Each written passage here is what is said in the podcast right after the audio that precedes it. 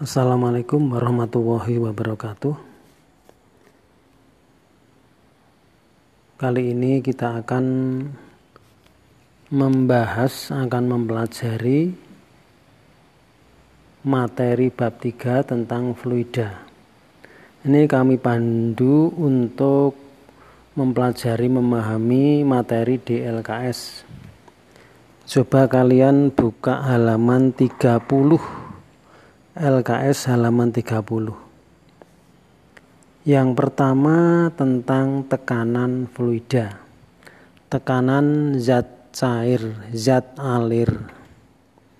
Didefinisikan tekanan P adalah gaya tiap satuan luas. Dalam bentuk rumus P sama dengan F per A. F dalam Newton, A meter kubik, P dalam Newton per meter. Satuan tekanan yang lain bisa Pascal, bisa ATM, cm Hg. Nah, yang setara dengan Newton per meter persegi adalah Pascal.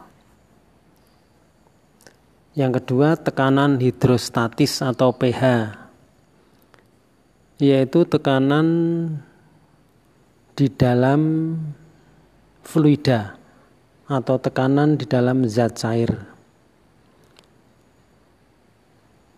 Yang dirumuskan pH itu Rho GH halaman 31 pH sama dengan Rho GH yang berarti tekanan hidrostatis tergantung dari Rho.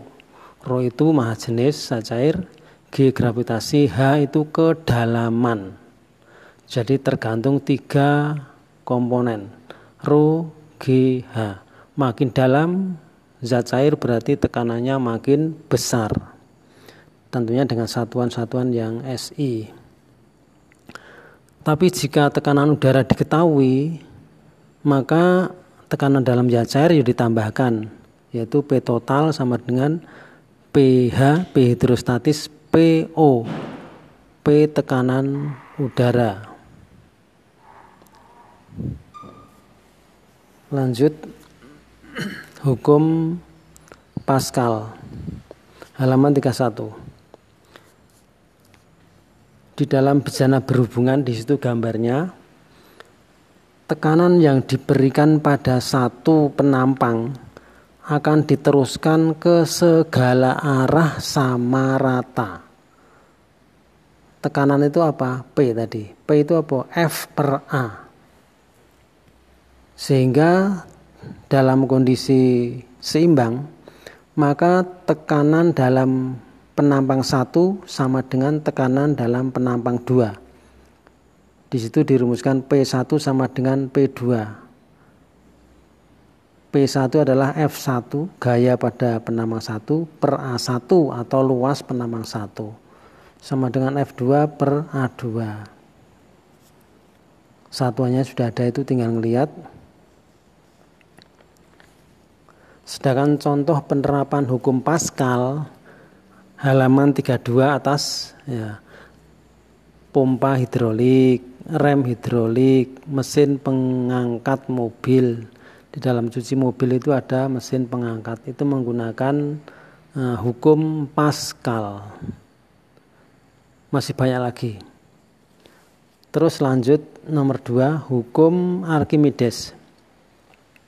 Bunyinya gaya apung atau gaya ke atas yang bekerja pada suatu benda yang dicelupkan sebagian atau seluruhnya ke dalam zat cair sama dengan berat fluida yang dipindahkan oleh benda tersebut.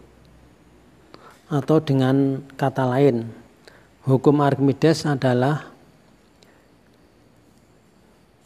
jika benda dicelupkan dalam zat cair, baik sebagian atau seluruhnya, akan mendapatkan gaya ke atas atau FA seberat zat cair yang dipindahkan.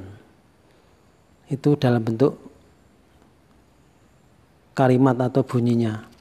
Dalam bentuk persamaan, gaya Archimedes atau gaya angkat ke atas atau gaya apung FA lambangnya di situ. Rho G V. Rho maha jenis fluida G gravitasi. V adalah volume benda yang tercelup. V ini ditambahi VF itu. V fluida. VBF V benda dalam fluida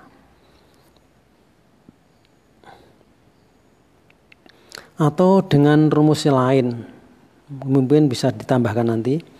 FA atau gaya ke atas gaya Archimedes sama dengan selisih berat benda di udara dikurangi berat benda di dalam zat cair.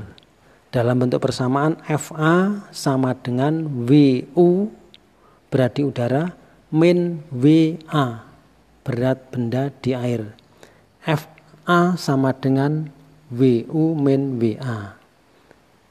Itu bisa menggunakan itu. Kemudian beberapa penerapan hukum Archimedes antara lain satu halaman 32 kamu lihat di bawah rumus hidrometer kapal laut kapal selam balon udara benda mengapung tenggelam atau melayang benda yang mengapung itu berarti masa jenisnya lebih kecil dari masa zat cair. Sedangkan benda yang melayang masa jenisnya sama dengan masa jenis zat cair. Begitu juga yang tenggelam berarti lebih besar. Lanjut halaman 33. Kapilaritas. Nah, kapiler, kamu sering mendengar kapiler, yaitu peristiwa naik atau turunnya zat cair peristiwa naik turunnya zat cair dalam pipa kapiler. Pipa kapiler itu pipa, pipa yang sempit, pipa yang kecil. Contohnya air meresap ke atas tembok jika musim hujan merembes gitu. Yang B menyebarnya tinta di permukaan kertas. C minyak tanah naik melalui sumbu kompor. Naiknya air melalui akar pada tumbuhan. Dalam bentuk rumus H sama dengan 2 gamma cos theta per G R. Nah itu R itu apa? R itu jari-jari pipa kapiler. Nah pipa kapiler itu kalau kalian punya sedotan di dalam gelas itu, nah, maka sedotan kamu celupkan dalam air putih di dalam gelas atau teh, maka eh, cairan di dalam sedotan itu akan lebih tinggi permukaan air di sedotan itu lebih tinggi daripada permukaan air dalam gelas. Jadi naik. Tapi kalau yang dipakai cairannya itu alkohol atau air raksa deh, air raksa, Hg, nah, maka kapilernya justru turun di bawah permukaan air raksa yang di dalam gelas. Maksudnya pipa kapiler kamu celupkan dalam air raksa yang ada di dalam gelas. Maka permukaan air rasa dalam pipa itu lebih rendah, jadi di, di bawah di bawah permukaan air rasa di dalam gelas. Lanjut viskositas. Viskositas atau kekentalan merupakan gesekan antara satu lapisan dengan lapisan yang lain. Misalnya eh, ada benda atau kelereng dimasukkan ke dalam cairan oli, maka kelereng itu akan turun ke dalam oli itu pelan-pelan. Jadi karena ada gesekan, kekentalan, karena ada kekentalan.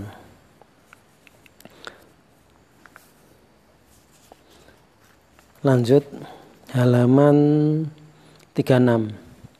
Kontinuitas. Nah, di atas nomor satu, kontinuitas.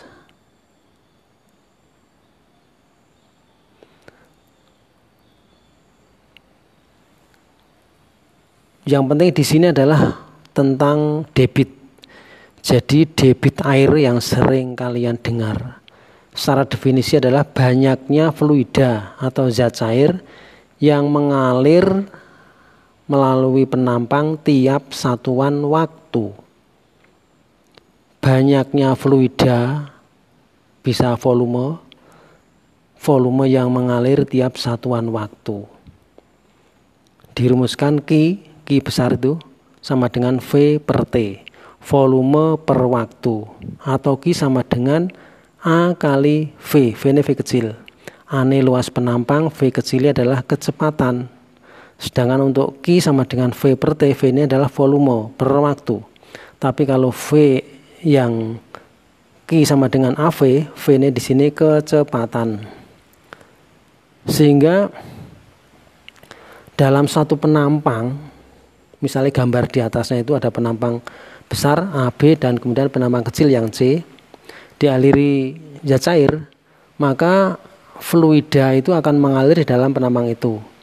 Maka di penampang besar A1 nah, itu kecepatannya kecil Kemudian nanti di penampang yang kecil, yang C atau A2 itu, nanti kecepatannya jadi besar. Nah, gitu. Tapi debitnya tetap sama. Jadi debit di A, B, dan C sama. Di penampang besar maupun kecil sama.